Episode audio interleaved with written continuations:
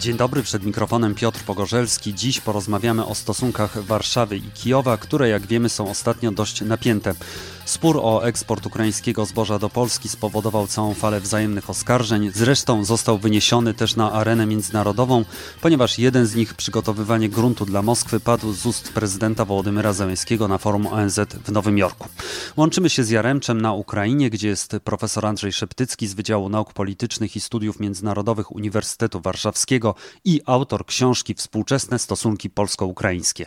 Dzień dobry. Dzień dobry panu, dzień dobry państwu. W Jaremczu trwają 16 spotkania polsko-ukraińskie. Biorą w nich udział eksperci z obydwu krajów. Jaka jest atmosfera rozmów? Czy te ostatnie spory jakoś ją popsuły? Czy to jest taki gorący temat? To jest gorący temat, e, natomiast e, bardziej w kategoriach badawczych niż osobistych. To znaczy, oczywiście o tym ziarnie rozmawiamy, natomiast e, nie spieramy się w jakiś zasadniczy sposób na linii Polacy-Ukraińcy. O ile kilka lat temu na tych spotkaniach dochodziło do ostrych dyskusji na temat e, historii polsko-ukraińskiej, to teraz e, atmosfera jest zupełnie inna. Myślę, że to wynika z, zarówno z wojny, jak i z faktu, że w tym gronie dosyć stałym spotykamy się już wiele lat, a także z takiego przekonania, że z tą kwestią ziarna to jest w istotnym stopniu kwestia polityczna, to znaczy to jest odpowiedzialność władz publicznych, jednych, drugich. No, jedynym może takim odstępstwem od tego, o czym mówię, był e, głos e, jednego z ekspertów e, bliskich obecnym polskim władzom, który wygłosił tezę, że właściwie za kryzys zbożowy odpowiadają Niemcy które w ten sposób chcą obalić polski rząd. Ja tego nie będę komentował przez e, sympatię do tego naszego kolegi, no ale to jest trochę niedorzeczne. Jeżeli spojrzeć na ten e, spór z pewnym dystansem, jakby z boku, co my widzimy? Bo mamy z jednej strony y, Warszawę, która nie zabrania tranzytu, ale nie chce kupować zboża z Ukrainy, nie chce, żeby ono było sprzedawane w Polsce. Z drugiej strony mamy Ukraińców i mamy Kijów, który tłumaczy, że tak naprawdę, przynajmniej tamtejszy sektor, właśnie ten agroprzemysłowy, rolniczy, tłumaczy, że tak naprawdę eksport do Polski i tych innych czterech krajów Unii Europejskiej jest mały i nie ma o co kruszyć kopii.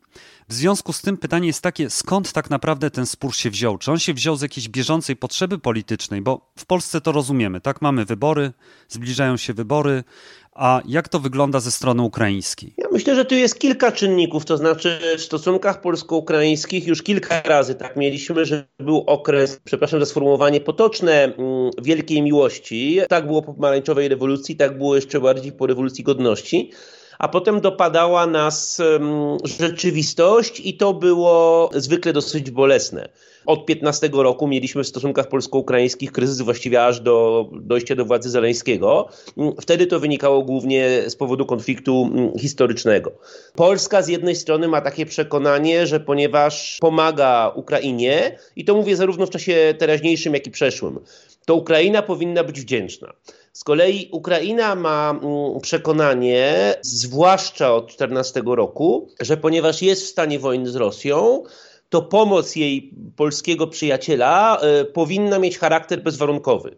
To powinna być pomoc, a nie pomoc oparta na zasadzie pomogę, ale. Zwłaszcza od wybuchu pełnoskalowego konfliktu, prezydent Zeleński, co zresztą mnie osobiście nie dziwi szczególnie, no, zajmuje w wielu aspektach taką postawę dosyć e, mało kompromisową i radykalną. I to nie mówię wyłącznie o stosunkach polsko-ukraińskich, tak? tylko jak się domaga pomocy, to dziękuję za pomoc, ale jak jej nie dostał, to mówi bardzo wyraźnie, że jej nie dostał i że mu się to nie podoba. Tak?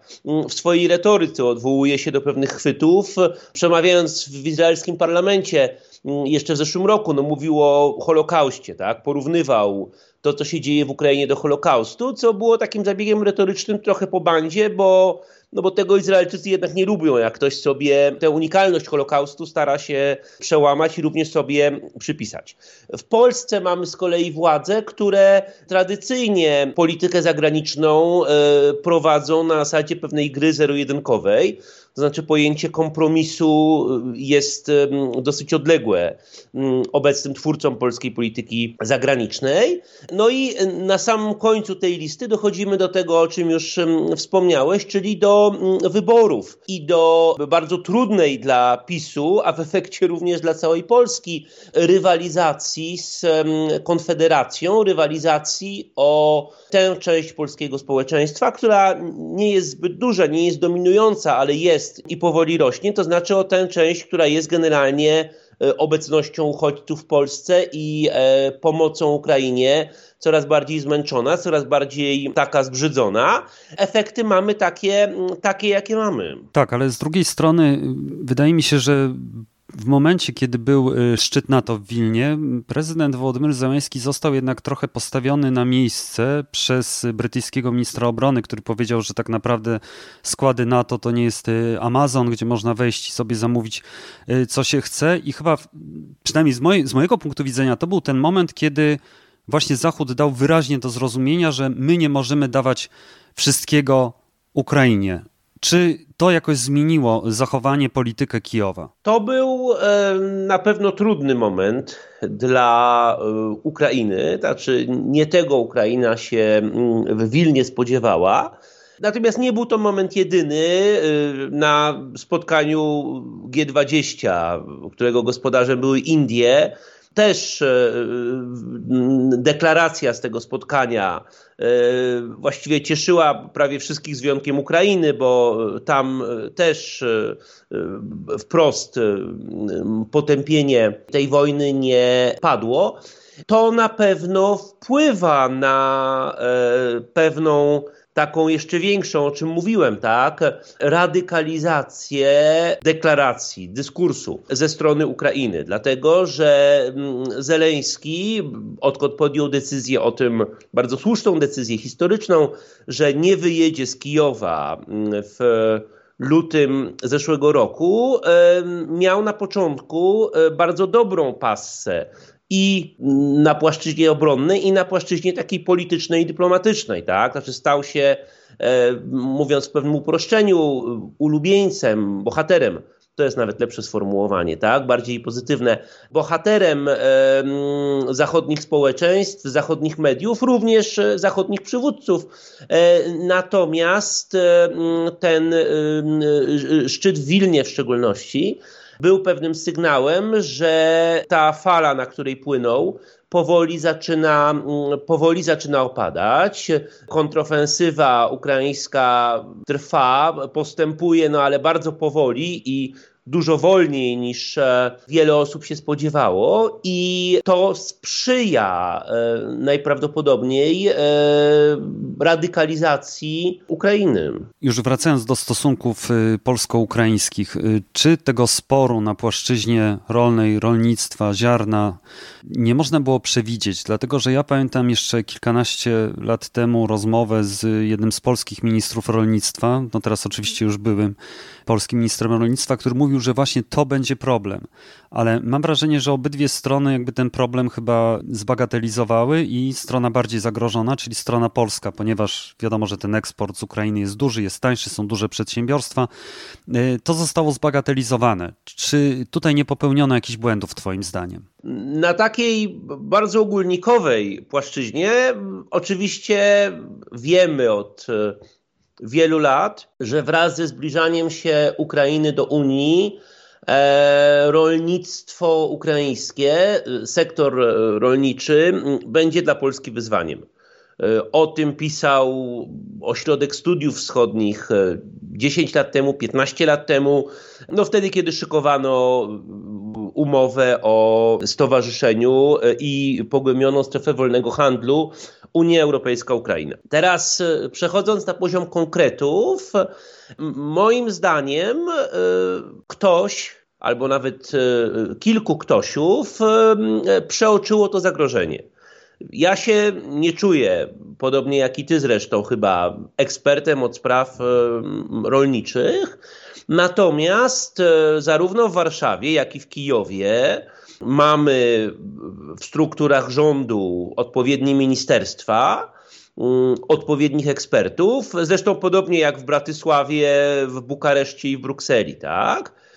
I w związku z tym, e, moim zdaniem, kiedy na stole pojawił się pomysł, że trzeba w ramach pomocy Ukrainie mm, wiosną zeszłego roku znieść te ograniczenia w e, imporcie produktów rolnych e, z Ukrainy do Unii, to wspomniani specjaliści e, powinni byli przestrzec, że jednym z możliwych scenariuszy negatywnych jest to, co się w ciągu tych ostatnich kilkunastu miesięcy stało.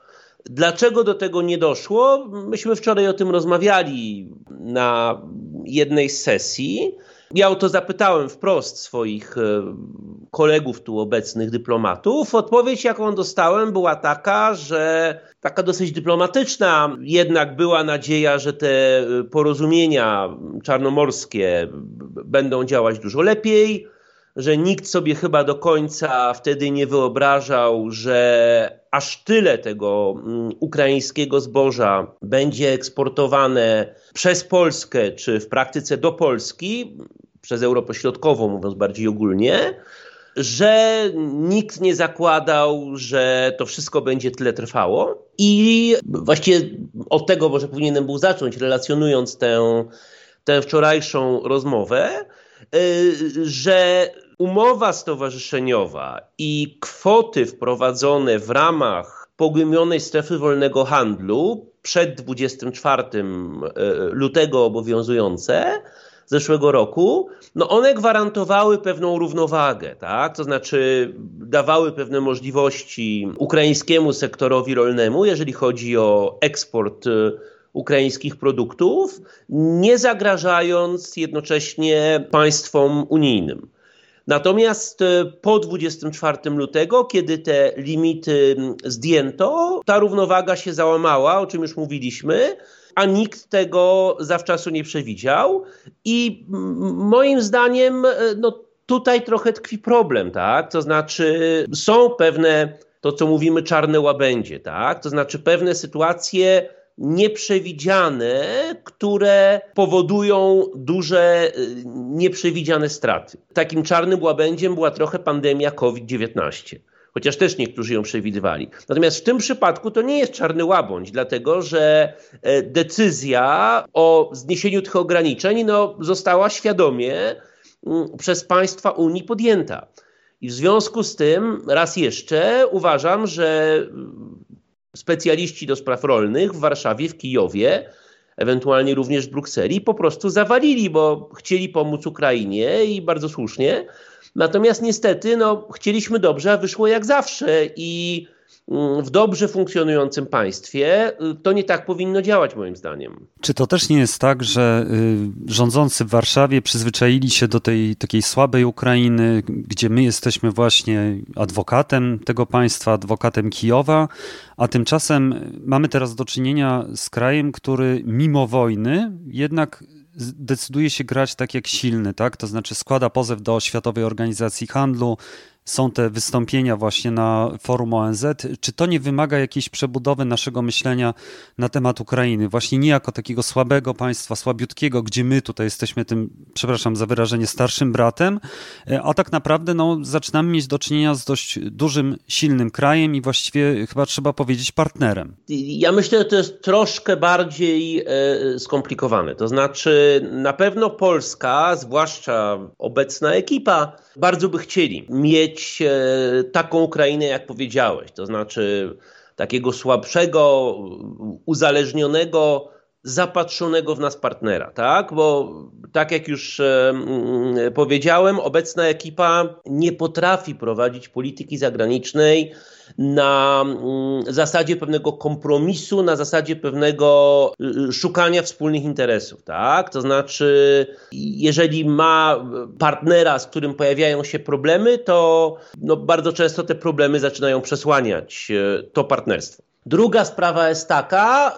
że to nie jest chyba tak, że Ukraina zaczęła się tutaj cudzysłów, stawiać w 22 czy w 23 roku. Dlatego, że no z dosyć podobną sytuacją mieliśmy jednak do czynienia, ja już o tym wspominałem, w okresie Poroszenki, kiedy e, też była pomoc, była przyjaźń. E, to zresztą wychodziło bardzo ładnie wtedy w Polsce i w Ukrainie w badaniach opinii publicznej. No a skończyło się na tym, że najpierw Ukraińcy przyjęli tak zwane ustawy historyczne, które uznawały UPA za bojowników o wolność i niepodległość Ukrainy. Potem u nas przyjęliśmy ustawę o IPN-ie, która zrównywała z, zbrodnie UPA ze zbrodniami e, hitlerowskimi i, i sowieckimi. Był dość podobny mechanizm, tak? To znaczy myśmy oczekiwali, jak to my pomagamy, Natomiast Ukraińcy e, uważali, że zwłaszcza w warunkach wojny, ale ogólnie Mm, mogą sobie budować swoją politykę historyczną po swojemu i nikt nie powinien im się do tego mieszać. Sytuacja się trochę zmieniła po 24 lutego, dlatego że Ukraina, Polska zresztą również, przez pewien okres bardzo się starały uniknąć e, powtórki tego scenariusza z 15 roku. To znaczy, kiedy pojawiały się problemy, to um, starano się dosyć szybko te problemy rozminować. Proszę wspomnieć um, wypowiedź e, rzecznika MSZ, ówczesnego Łukasza Jasiny, który w wywiadzie dla e, Onetu, kiedy go pytano, no, czy Zeleński powinien przeprosić za Wołyń, no w końcu powiedział, że powinien, tak? To wywołało duży skandal. Jasina przestał być rzecznikiem, natomiast e, do Polski w ciągu kilku dni czy tygodni przyjechał przewodniczący Rady Najwyższej Ukrainy i powiedział w Polsce, może nie wprost, że przeprasza, ale cytuję z pamięci, że e, wyraża żal dla wszystkich ofiar i ich rodzin. Mm, więc e, no, Zeleński nie przeprosił, natomiast jednocześnie Ukraińcy zrobili dosyć wyraźny sygnał, że y, ja tak to interpretuję, że starają się wyjść naprzeciwko oczekiwaniom Polaków, tak? Więc y, był już wtedy problem, nie gospodarczy, ale historyczny, tak, na horyzoncie. Natomiast obie strony wtedy podjęły działania y, słuszne i skuteczne, żeby ten problem rozminować, tak? W tej chwili sytuacja jest inna. Dlaczego? No trochę już powiedzieliśmy, tak? Z jednej strony e, nieco trudniejsza sytuacja mm, dyplomatyczna Ukrainy, z drugiej strony mm, wybory parlamentarne w Polsce. I w efekcie nie ma tej woli po obu stronach, żeby o te dobre relacje zabiegać, e, tak jak jeszcze taka wola w moim przekonaniu e, była wiosną tego roku. Niedługo możemy spodziewać się uchwały Rady Najwyższej poświęconej stosunkom polsko-ukraińskim, gdzie będzie podziękowanie na przykład za pomoc udzieloną właśnie przez Polskę po 24 lutego, ale już podsumowując naszą rozmowę, y, powiedz, co Twoim zdaniem trzeba zrobić, żeby te stosunki ciągle nie tak nie skakały góra-dół, góra-dół, że mamy ten okres wielkiej przyjaźni, później okres wielkiej kłótni, później znowu wielka przyjaźń, później znowu wielka kłótnia, bo to tak trochę sprawia wrażenie takiego, no nie wiem, docierającego się małżeństwa, czy jakiejś takiej szkolnej przyjaźni, gdzie raz jesteśmy koleżankami, a raz po prostu jesteśmy całkowicie na siebie obrażeni obrażone. Jak, jak dojrzeć po prostu w tej sytuacji? Znaczy, yy, ja zawsze polecam, kiedy z takim pytaniem się spotykam, żeby spojrzeć sobie na badania Cebosu. Jak Ukraińcy przez te 30 lat byli postrzegani w Polsce. Przypomnę, że w 1994 roku o Ukraińcach pozytywnie wypowiadało się 9% polskiego społeczeństwa. W tej chwili to jest ponad połowa. Przez te 30 lat to oczywiście nie jest tak, że to ciągle rosło. To rosło, potem czasem spadało, potem znowu rosło, potem trochę spadało. Rosło po rewolucjach, e, spadało na przykład przy okazji tych sporów historycznych, o których już mówiłem. Natomiast długotrwały trend jest jednoznaczny. To jest wzrost sympatii Polaków do Ukraińców. I myślę, że to jest dobra ilustracja też natury naszych tych relacji politycznych. Są lepsze i gorsze chwile, natomiast trend, jak mówię, jest jednoznaczny, tak? 30 lat temu dla nas Ukraina to był nasz sąsiad, ale taki trochę państwo sezonowe, biedne, nieciekawe. Nawet ta historia nie była jeszcze w czasach Wałęsy taka istotna, tak? Nią się zaczęto zajmować w czasach Kwaśniewskiego. No w tej chwili mm, o znaczeniu Ukrainy nie trzeba chyba nikogo przekonywać, niezależnie od tego, jakie są bieżące relacje. Natomiast myślę, że w długim okresie to, do czego powinniśmy dążyć, również jakby z powodów e, dwustronnych, to jest oczywiście członkostwo w Unii Europejskiej, dlatego że Ukrainy, dlatego że ono stworzy pewne ramy dla dwustronnych relacji, ono pozwoli wykorzystać potencjał tych dwóch państw i oczywiście też będą lepsze i gorsze chwile. Jeżeli spojrzymy na stosunki francusko-niemieckie, mówi się o tandemie francusko-niemieckim, tak? On doskonale działał w okresie de Gaulle'a i Adenauera, on działał w okresie y, Kohla i y, Mitterranda w latach 80., a potem po zjednoczeniu Niemiec przez 10 lat nastał okres cichych dni, dlatego że y, z wielu powodów, między innymi z powodu zjednoczenia Niemiec właśnie, Francja tej nowej pozycji Niemiec nie mogła przetrawić. I co?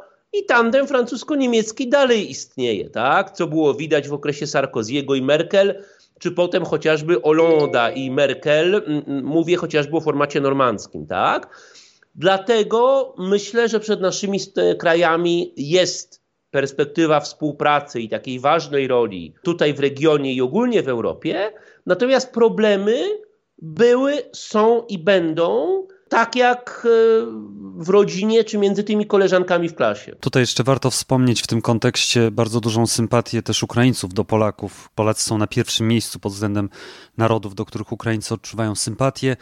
Profesor Andrzej Szeptycki, Wydział Nauk Politycznych i Studiów Międzynarodowych Uniwersytetu Warszawskiego, autor książki Współczesne stosunki polsko-ukraińskie. Bardzo dziękuję. Dziękuję bardzo. Zachęcam do przeczytania tej książki, jeśli ktoś chce poznać całą historię i kontekst y, stosunków polsko-ukraińskich, także dzisiejszych. Książka ukaże się w najbliższym czasie nakładem wydawnictwa naukowego Scholar. Ja przypominam, że podcast Po prostu Wschód można wesprzeć na zrzutce i Patronite. Zachęcam też do zajrzenia na profile na Facebooku i Instagramie oraz na mój prywatny na Twitterze, a także na Spotify, gdzie można posłuchać muzyki w Radiu Wschód. Do usłyszenia, żegna się Piotr Pogorzelski.